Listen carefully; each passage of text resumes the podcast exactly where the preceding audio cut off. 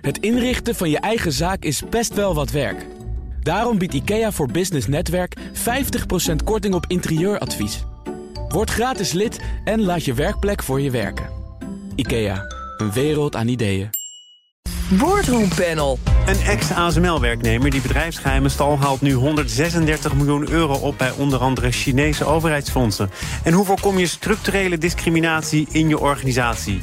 Dat en meer bespreek ik in het Boardroom Panel. En daarin zitten Tanja Nagel, bestuursvoorzitter van DSI-commissaris... bij EY, PNO Consultants en Uncode. En Anton Wiggers, partner bij Themis Company Bedrijvendokter. Welkom, geachte leden. Goedemiddag. Laten we maar beginnen met die ASML-concurrent. Het gaat om het Chinese Dongfang Yingguan. Heeft recent 136 miljoen euro opgehaald. Maakt software om machines, zoals die van ASML, optimaal te laten functioneren. En inspectieapparatuur voor siliciumschijven, waar chips van worden gemaakt. En het heeft dus allemaal zijn oorsprong in, in Amerika gestolen intellectueel eigendom van ASML. Althans, dat is wat hier wordt gezegd. En de Chinese overheidsfondsen gaan daar nu mee aan de haal. Anton, is dat een gevoelige klap voor ASML?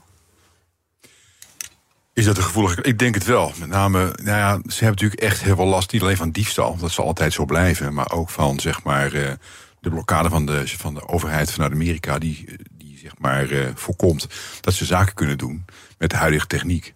En daar hebben ze echt veel last van. Maar ik denk dat die diefstal, ja, dat moet je proberen te voorkomen. Nou, dan denk ik dat mensen dat met je eens zijn. En, en, en je weet vaak niet of er gestolen is. Daarom heet het ook diefstal. En wat, je, wat je wel kunt doen is aan de voorkant zorgen dat je het voorkomt. En aan de achterkant zorgen dat je het keihard bestraft. Maar dan moet je, moet je in de internationale context bekijken. Dat maakt het ook extreem lastig. Maar als je zegt je moet het uh, voorkomen, preventie is belangrijk. Dat heeft dan te maken met beter screenen. Procedures nog eens tegen het licht houden? Of uh, zie jij een andere Beter screenen, ook die mensen misschien door de AIVD laten, laten screenen. Hè? Dus iets een tandje zwaarder. En, uh, ja, maar je voorkomt het nooit. Nee. Uh, ASML zei overigens, toen die diefstal aan het licht kwam... dit heeft allemaal niks te maken met de Chinese complotten. Dit zijn onze eigen werknemers en die hebben zich uh, schofterig gedragen. Die waren ja. uit op geld. Ja. Uh, maak je nu niet meteen een groot internationaal verhaal van. Het komt vermoedelijk bij heel veel bedrijven voor. Alleen is dit gevoeliger. En sowieso wordt het meestal niet gemeld. Als het echt specifiek bedrijfsgeheimen zijn... dan gaan ze het echt niet aan de grote klok hangen. Ja, je ziet natuurlijk wel in Europa dat er een wetgeving is gekomen van de zomer. Uh, die in elk geval binnen Europa regels uh, zijn gemaakt. Uh, waar, op basis waarvan je in elk geval kunt vaststellen wat bedrijfsgeheimen zijn. en wanneer de regels zijn overtreden en wat je daar dan aan kunt doen. en vind je iemand en kun je hem vastpinnen, dan is het in elk geval een onrechtmatige daad. Als het een bedrijf is of als het een persoon is. Maar ja, als het vertrokken is naar China, wordt het toch een stukje ingewikkelder. Dat is ook zo. Um, en nu zegt de ASML. Uh, tegen mogelijke klanten van dat Chinese bedrijf. Ga daar niet mee in zee, want het is uh, gestolen intellectueel eigendom. Het is eigenlijk van ons. Uh, kun je als ASML dan meer doen dan dat? Nou, ik denk dat dat ook een beetje afhankelijk is van hoe de relatie tussen ASML en die klanten is. Als die klanten ook afhankelijk zijn van ASML, heb je misschien nog uh, iets wat je kunt bereiken. Maar voor de rest wordt het ingewikkeld, denk ik. Anton zegt hier overigens over die diefstal. Uh, vaak besluiten bedrijven zelf om dat niet openbaar te maken. Is dat een verstandige keuze in sommige situaties? Ik denk het wel. Ja, wat bereik je ermee om het wel openbaar te maken? Ja, ja, kijk, maar dan los je het probleem vermoedelijk ook niet op... want dan weten mensen überhaupt niet dat er iets gaande is. Nee, dat is ook het probleem. Hè. Zeg maar echt bedrijfsgeheimen die gestolen worden... Ja, dat wil je vaak geen melding van maken. Als koersgevoelige informatie zou kunnen zijn... Ja, dan moet je daar echt mee uitkijken. Maar je ziet het toch vaker gebeuren dat het echt uh, heel selectief wordt verspreid. Hè, misschien aan, politiediensten. Maar niet aan de grote klok wordt gehangen. Puur uit uh, defensieve overwegingen. Toch nog even terugkomend op wat uh, Peter Wenning in 2019 zei over deze diefstal. Het heeft niet zoveel te maken met uh, oplopende spanningen richting China. Maar nu zie je toch dat uh, tot die investeerders van die 136 miljoen behoren Chinese overheidsfondsen. Krijgt het daarmee toch een hele andere context, denk jij, Tanja? Ja, zou dat ook niet iets te maken hebben met wat er nou juist de afgelopen periode is gebeurd en hoe de VS zich opstelt ten aanzien van wat er wel en niet op politiek gebied speelt? Waardoor het voor ASML opeens een stuk moeilijker wordt om wel of niet nog datgene met China te doen wat ze gewend waren te doen, ook in 2019. Ik denk dat dit een retorische vraag is. Jij denkt ja, namelijk denk wel. Ja, ja. ja. Uh, Peter Wenning heeft zich daar ook over uitgesproken. Niet in 2019, maar gewoon deze week nog in NRC. Ja. En heeft gezegd, uh, dames en heren, ik, ik snap het allemaal wel... maar wij hebben als ASML nu wel voldoende ingeleverd. Er zijn de, de nieuwste chipmachines, uh, mogen wij überhaupt niet meer leveren. Die EUV-machines. En nu gaat het ook nog over een generatie eerder. Dat gaat wat ASML betreft te ver... Um, ja, het is moeilijk om daarover te oordelen wellicht. Maar um, als je dat zo ziet, heeft ASML dan wel voldoende ingeleverd, denk jij? Ja, dat is denk ik niet aan ons om dat te bepalen. Maar ik kan me wel heel goed voorstellen dat als je kijkt hoeveel investeringen in research daar gedaan is om, om zo ver te komen. En dan nu opeens zo'n groot gedeelte van je markt afgehakt te zien worden. Dat dat wel ingewikkeld wordt voor een bedrijf als ASML om daarmee om te gaan. Nou, ASML heeft uh, aan vragen overigens uh, nooit echt een gebrek, toch? Ze kunnen niet leveren wat er gevraagd wordt. Dus ze zijn vermoedelijk iets minder afhankelijk van China dan veel andere bedrijven. Ja, maar goed, eh, wat ik heb begrepen is dat de helft zit in die machines van hun omzet. En daarvan is 15% uh, is, is China de afzetmarkt. Nog wel een tik als dat in één keer niet meer mag. Denk het wel. Anton, hoe moet uh, ASML uh, hiermee omgaan? Want dit speelt al een tijdje natuurlijk. Nou ja, ik denk dat het ook een politieke uh, discussie is. Je zult echt moeten proberen invloed te krijgen, ook bij de politiek. Hè, want de politiek besluit dat jij niet mag leveren in China. Dus je zult iets in de lobby moeten, moeten doen. Dat is wel een, en ik, ik zou me kunnen voorstellen dat ze aan de overheid in Amerika vragen... via het ministerie van Buitenlandse Zaken, waarover straks meer...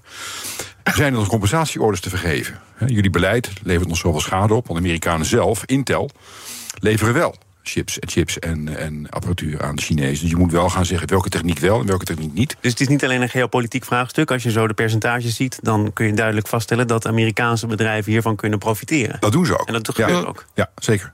30% van Intel gaat naar de Chinese, naar de Chinese kant. Ja. Maar welke lobby kun je dan voeren? Ik begrijp dat ze een kort onderrondje hebben gehad bij de opening van de nieuwe fabriek in uh, Arizona. Uh, daar ja. is een gesprek geweest tussen Peter Wenning en uh, Biden. Ja, Himself? Ja, dat, dat, zal, dat zal wat betekenen, denk ik. Hè. Dat zal ja, bijna geschrokken zijn. Nee. maar ik denk dat je echt de lobbyclubs moet gaan inschakelen... om dit probleem helder te maken. En uh, toch proberen invloed uit te oefenen om te zorgen... dat je A, compensatie krijgt voor de schade die je eventueel zou leiden. Natuurlijk kunnen ze hun omzet altijd kwijt, hun producten. Maar je zult wel iets, uh, iets moeten doen. Maar dit gaat over een technologie, uh, wapenwetloop zou je kunnen zeggen... Uh, tussen de Verenigde Staten en Amerika. En ondertussen moet ASML een beetje lobbyen voor zijn eigen belang. Ja. Lijkt me toch ingewikkeld. Ik denk ook niet dat alle, alle producten in, in de militaire installaties verwerkt zullen gaan worden. Dus ook daar zullen ze iets kunnen doen om helder te maken. Als je wat verder uitzoomt, vind ik het toch wel ingewikkeld worden. Hè? Want de Amerika ondersteunt natuurlijk ook de automotive sector. wat meer dan we gewend zijn. De vraag is wel, waar eindigt dit allemaal? En dan zijn we natuurlijk wel een tiny speler... als Nederland op die hele grote markt. En als je dan gaat vragen om compensatie aan de Nederlandse overheid als ASML zijn. Ja, jij bedoelt de Amerikaanse overheid, maar als dat niet werkt in Nederland kan er op die schaal natuurlijk überhaupt niks gebeuren. Nou, minister Schrijnemacher voor Buitenlandse Handel zei in NRC vorige maand nog: wij bepalen zelf ons in- en exportbeleid, maar we staan wel aan dezelfde kant als de Amerikanen. Ja. I rest my case. Nou, dan gaan we naar een andere case, denk ik. BNR Nieuwsradio. Zaken doen. Thomas van Zeil. Het lobbypanel is gast. Tanja Nagel, Anton Wiggers. En we praten over structurele discriminatie binnen het ministerie van Buitenlandse Zaken. Daar zou sprake van zijn volgens een intern onderzoek. Duidt op racisme. Binnen het ministerie waren uitspraken als... je zou die Aziaten terug in hun hok moeten knuppelen... en hang ze op aan de hoogste boom. Ze moeten hun plek kennen, niet ongewoon. Tanja, ben je geschrokken van de bevindingen? Um, ja, ik vind het overigens wel lastig als het om racisme gaat. Want ik, ik denk dat je veel beter kan inzoomen op discriminatie. Want dat, dat um, spreekt ons in de volle breedte veel meer aan, denk ik, dan racisme. Ik heb begrepen dat er meer dan 6000 mensen werken op het ministerie van Buitenlandse Zaken, waarvan de helft ongeveer op ambassades. Dat vind ik heel lastig om dat te overzien en daar een beeld van te vormen, wat zich dan ook weer, uh, wat, ik kan vertalen naar de omgevingen waar ik in zit. Um, maar dan alsnog is het wel schokkend. Vooral het is een intern onderzoek. Het is kennelijk een heel klein bureau wat het onderzoek gedaan heeft. Als er dan toch dit soort schokkende uh, conclusies uit naar voren komen, ja, dan moet je daar wel wat mee. Wat ik dan overigens ook wel meteen schokkend vind, is dat de minister reageert op een manier wat mij dan toch meteen doet denken aan de Voice of Holland. Misschien is het een hele logische reactie om te geven. Maar het is wel een beetje jammer. Wat heeft hij namelijk gezegd? Meld je vooral als ietsje is aangedaan. Ja. Nou, hij zegt, ik wil het uh, best wel tot de bodem uitzoeken... maar uh, dit zijn uh, rapporten. Dit rapport is verschenen op, op anonieme basis. En als ik iets wil doen met de meldingen... zowel degene die het hebben gedaan als degene die de gedupeerde zijn... de slachtoffers zijn, moet ik wel weten waar het precies over gaat. Oh ja, ik denk dat dit een eerste stap is geweest. Want het is natuurlijk ook een, een vrij vlak onderzoek. Er zal inderdaad meer moeten gebeuren.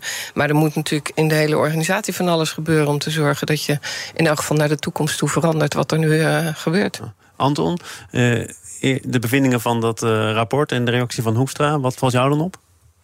Ik ben er eens even in de feiten gedoken. Het is vorig jaar of dit jaar onderzoek geweest door het CBS. En daaruit bleek dat uh, 11% van de Nederlandse bevolking boven de 15 jaar zich wel eens gediscrimineerd voelt. Dat is best veel, dat zijn 1,6 miljoen mensen. En uh, het grotendeels ervan gaat over ras en geloof en levensovertuiging. Dus eigenlijk doen we het allemaal, discrimineren. Mijn vrouw heeft werkt bij een bedrijf die dat soort dingen ook meet. En ongemerkt doe je dat ook. Je wordt continu geframed. De vraag is alleen, brengt het schade toe? En wat je nu Want hebt gelezen. Als het geen schade toebrengt, dan uh, moeten we er ook geen aandacht aan. Nee, dat zeg ik niet. Zeker niet. Zeker niet. Uh, want wat ik net zei, uit metingen blijkt dat we allemaal discrimineren. Alleen de vraag is. Wat is de betekenis hiervan voor het ministerie? En welke schade wordt hier gevoeld door mensen? En wat kun je daaraan doen? Daar moet je iets aan doen ook vanuit de boardroom. Maar het is best lastig om dat zeg maar, in een framework te, te gieten. Om daar zeg maar, gedrag mee te veranderen. Nou, begin bij jezelf. Laten we het over dat gedrag hebben. Ik uh, kwam een interview tegen in Nieuwsuur... met de oud-coördinator diversiteit en inclusie... op het ministerie van Buitenlandse Zaken, Nori Spouwen. En zij zei dit. Het is toch een beetje een organisatie die een beetje in de vorige eeuw is blijven hangen. Een hele traditionele organisatie waar de macht geconcentreerd is bij een, een kleine groep mensen die die graag ook vast willen houden en die ook vooral elkaar mooie plekken toeschuiven. Uh, waar je heel moeilijk uh, tussen komt. En dan gaat het inderdaad, Tanja, jij zei het al, niet alleen maar over racisme. Het gaat over, zoals mevrouw Spouwen zegt, hele subtiele vormen van wie waarbij hoort, wie welke uitnodiging krijgt, wie welke mail krijgt, of je in bepaalde circuitjes een kans krijgt, ja of nee. Uh, hoe, hoe doorbreek je dat? Nou ja, ik, weet je, dat begint al met een DNI-officer. dat is iets wat, wat bijna elke organisatie heeft. Maar die kan het verschil natuurlijk helemaal niet maken. Uh, weet je, dit is echt, dit is chefzagge. Dit moet gewoon geleid worden door, ik denk bij een ministerie, door een SG. Want uh, minister weet je nooit hoe lang hij of zij blijft of weer vertrekt. Uh, en dat moet iets zijn um, wat als het echt um, uh, ver van huis is, waar je ook externe bij haalt om te zorgen dat iedereen begrijpt wat dan de bedoeling is. Hebben we een, een missie? Hebben we kernwaarden met elkaar afgesproken? Spreken we elkaar daarop aan? Maar die secretaris-generaal zou dan toch ook onderdeel van het probleem kunnen zijn. Die hoort toch tot het clubje dat elkaar het liefste maar de baantjes blijft toestaan. Ja, maar daar kom je dan toch vanzelf achter als je een externe daarbij inhuurt. Maar dan moet je ook wel de gevolgen daarvan nemen. Dan moet je ook zorgen dat dat soort mensen vertrekken en dat je met andere mensen de toekomst in kan. En dat gaat veel breder, want dan heb je het over de algemene bestuursdienst, die al die mensen de tijd over al die ministeries rondpompt. Dan moet je daar dus ook wat aan doen. Ja, dat heeft inderdaad nog wat consequenties. Want er is inderdaad zo'n algemene bestuursdienst dat ervoor zorgt dat alle topambtenaren zo één keer in de zoveel tijd ja. uh, roleren, circuleren. Dat betekent dus dat de hele Rijksoverheid daarmee tegen het licht gehouden zou moeten worden. Of moet je toch zeggen, dit ministerie, uh, Buitenlandse Zaken, kwam ook aan de orde in dat uh, interview van Nieuwsuur. Daar werken ook heel veel minder mensen met een biculturele achtergrond. Terwijl je toch zou kunnen vaststellen bijna dat op een ministerie van Buitenlandse Zaken er juist meer mensen zouden moeten werken met een Maar hoe was het dan bij de toeslagenaffaire? Daar ging het ook over discriminatie volgens mij. Hè? En dat was een ander ministerie. Nou, dat weet ik niet. Maar het is niet, in elk geval niet alleen het ministerie van Buitenlandse Zaken. Denk ik. De, de, de modus operandi, plan van aanpak van Tanja. Het moet dus echt grondig van bovenaf met een externe chef zaggen. Ja, dat is het beleidsmatige stuk. Ik doe wel van die interventies bij bedrijven waar we komen. Huren wel eens acteurs in en dan laten die uitbeelden wat mensen voelen. Die het ondervinden voor de mensen die zeg maar uh, hiernaar luisteren, vaak het personeel. En dan laten die mensen zelf hun eigen gedrag corrigeren. Dus die stoppen dan zeg maar de acteurs en zeggen: joh, dit gaat niet goed. Dus eigenlijk wil je dan laten zien dat ze hun eigen gedrag tegen het licht houden en zichzelf corrigeren. Zo krijg je heel langzaam maar zeker: A, wat levert die opmerking op voor het gevoel van de mensen die het betreft? En hoe kan ik het gedrag van de mensen veranderen via interventies met gebruikmaking van derde, bijvoorbeeld acteurs? Maar op het moment dat jij blijkbaar binnenkomt met je acteurs, is er al vastgesteld dat er sprake is van een probleem? Ja, ja zeker. Ja. Nou, dat is nu ook wel vastgesteld bij het ministerie.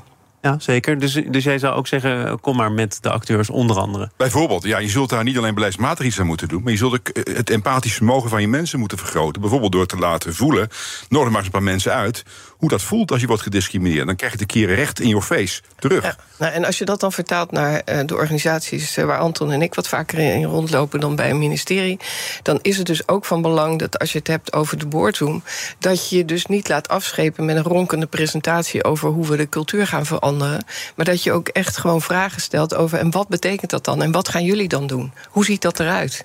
En heb je als eh, commissaris, of ja, als je een goede bent, en daar praat ik nu toevallig mee natuurlijk. Eh, heb je daar, ja, heb je daar, heb je daar uh, voldoende zicht op wat er dan op die werkvloer gebeurt en wat er aan die cultuur moet veranderen? Dat is natuurlijk best lastig, maar daarvoor moet je zelf ook die organisatie in. En, en dat dan altijd weer in overleg met die raad van bestuur. Maar je moet het ook wel zelf uh, gaan voelen. Ben, ben jij de afgelopen jaren eh, betrokken geweest bij veel organisaties, bedrijven waar soortgelijke problemen speelden? Nou ja, soortgelijk weet ik niet. Maar in elk geval is er altijd wel wat aan de cultuur te doen. En, en uh, toen ik bij Theodor Gillissen zat, was dat zeker het geval. En dat kost dan, als je in die raad van bestuur zit, verschrikkelijk veel tijd en aandacht. Maar die moet je wel hebben. En die wordt er ook wel aan besteed? Nou, niet altijd, nee. Zeker niet. En ik denk ook dat mensen onvoldoende beseffen, want daar is inmiddels ook voldoende onderzoek naar, dat een divers samengesteld team gewoon veel beter presteert uiteindelijk. Dus je, ook de aandeelhouder is er uiteindelijk blij mee. Je moet er wel even aan werken. Hoeveel onderzoeken zijn daar nog voor nodig? Want uh, die, die spreken we hier ook regelmatig in dit programma. En er zijn inderdaad voldoende wetenschappelijk goed onderbouwde stukken die dat nu aantonen. En toch is dat blijkbaar uh, lastig om dat door te voeren. Ja, omdat uh, er toch te veel mensen zijn die kopietjes van zichzelf willen zien. Ik kan er niks aan doen. Ja, qua, qua governance zul je er iets aan moeten doen vanaf de bovenkant. Maar vanuit die onderkant moet je ook als board of als raad van commissarissen beseffen dat het echte discriminerend gedrag bereikt jou nooit. Als er een rapport verschijnt of als er klachten in de krant verschijnen. We gaan naar de bereikbaarheid in Nederland in de vorm van de trein. In een kort geding tegen de staat eist een groep spoorvervoerders, waaronder Arriva, liberalisering van aanbestedingen van het spoornetwerk. En nu geeft de staat de NS nog onderhand het gebruiksrecht op het spoor. De rechter stelde spoorvervoerders in het ongelijk, maar gaf daarbij aan dat ze in bestuurlijke procedures op basis van EU-recht zeker kans zouden kunnen maken. Er volgt in maart van volgend jaar nog een bodemprocedure. Eergisteren sprak ik met Onne Hettinga van de Federatie van die Zelf topman van Arriva. En hij wil dat er conform de regels gepeld wordt of er belangstelling is bij andere partijen dan de NS. Er is absoluut interesse. En het merkwaardige is dat ondanks de verplichting daartoe bedrijven niet zijn geconsulteerd of ze geïnteresseerd zijn. Nou, dan spreek ik het maar via de radio uit. Die interesse die is er en die zal blijven. Zo, in niet mis te verstaande bewoordingen, Anton. Eh, krijgt de NS hiermee dan toch te gemakkelijk het alleenrecht toegeschoven door de overheid? Ik denk het wel. Als je de procedures bekijkt die hierover uh, gaan, dan heeft hij gewoon gelijk. Ja. Maar hij heeft in het kort geding op alle punten ongelijk gekregen. Ik heb nog, nog zelden iemand gesproken die zo blij was met de uitspraak. Terwijl die toch in heel veel opzichten in het nadeel wees van die regionale vervoerders. Zeker, maar ook de Europese Commissie gaat die tegen in beroep. Dus ja, daar is naast de woorden niet over gesproken. Ik snap best wat er gebeurt. Hè. Uh, maar ik denk wel dat in het grotere kader echt die, uh, het, het, lijstje zou moeten worden afge, afgewikkeld. Om in ieder geval het idee te geven dat er een proces is gevolgd. En dat ontbreekt nu. Waardoor je het gevoel krijgt dat mensen de pers gaan zoeken, de radio. Van ja, wij zijn geïnteresseerd, maar ja, we krijgen geen kans. Ja. Nou, even los van wat er nu speelt. Uh, als je uitzoomt, denk ik dat je gewoon een, een spoorwegbedrijf moet hebben. wat ervoor zorgt dat wij in Europa met de trein kunnen reizen. zodanig dat niemand meer met het vliegtuig wil. En dat maakt dat de overheid gewoon dat moet kunnen bepalen. Dus die hele privatisering die daar in de vorige eeuw heeft plaatsgevonden. Ik vind het allemaal waanzin als je ziet waar we nu staan. En als er Duitse eh, partijen hier gaan zorgen dat we kunnen rijden. Nou, dan weet ik zeker wat er gebeurt. Ik heb nog nooit in Duitsland op tijd gereden. Dat moet je niet willen. Ja, want dat is nog wel even goed om te zeggen. Uh, Arriva is van Deutsche Bahn. Ja. Het is toch ook nog een verkapt staatsbedrijf? Ja. Nou ja, weet je, ik nogmaals, ik vind dat in de huidige tijd dat wij gewoon moeten zorgen dat de overheid zorgt voor een, een spoorwegomgeving, waardoor wij allemaal met de trein willen. En dat allemaal in Europees verband, want dat kunnen we natuurlijk niet redden binnen Nederland. En dat gedoe met verschillende partijen op, op het spoor hier in Nederland vindt allemaal waanzin. Maar dan zul je dus ook moeten zeggen als overheid: we vinden dat van nationaal belang. Ja. We gaan de huidige systematiek veranderen. En dat betekent dat NS weer een staatsbedrijf wordt. Ja, en dan nemen we ProRail ook meteen weer even mee. Goed idee. Ja. Maar dus de Europese Commissie moet ook uh, afzien van hoe het dan nu zou moeten, namelijk wel openbaar aanbesteden. Dat vind ik echt. En dan ook opeens ook voor heel Europa. Ik weet niet hoe het in al die andere landen nu is geregeld. Maar ik vind dat dit het moment is voor Nederland in elk geval waarop er ingegrepen moet worden. Nou, nou is het wel zo dat uh, als het zo zou lopen zoals Arriva en die regionale vervoerders zouden willen, dat die intercities gewoon mogen blijven rijden. Mag allemaal worden gedaan door de NS. Maar bijvoorbeeld in de ja, randen van het land, daar zou nog wel wat kwaliteitsverbetering mogelijk zijn. Ik, ik kwam een paar weken geleden Rover tegen in de Volkskranten. Dat is toch voor de passagiers, voor de reiziger zelf. En zij zeggen hoge frequentie meer vroege en late treinen, sneller opstarten na verstoringen. Wat in het noorden en in Limburg werkt, kan ook in Zeeland, Brabant en Noord-Holland goed uitpakken. Als het wat betreft erover in het belang is van de reiziger zelf. Maar dat vind ik een beetje invulling. Als je dan de hoofdlijnen maar goed hebt staan. En als dit dan een, een betere invulling voor de reiziger daar in die randgebieden is, prima.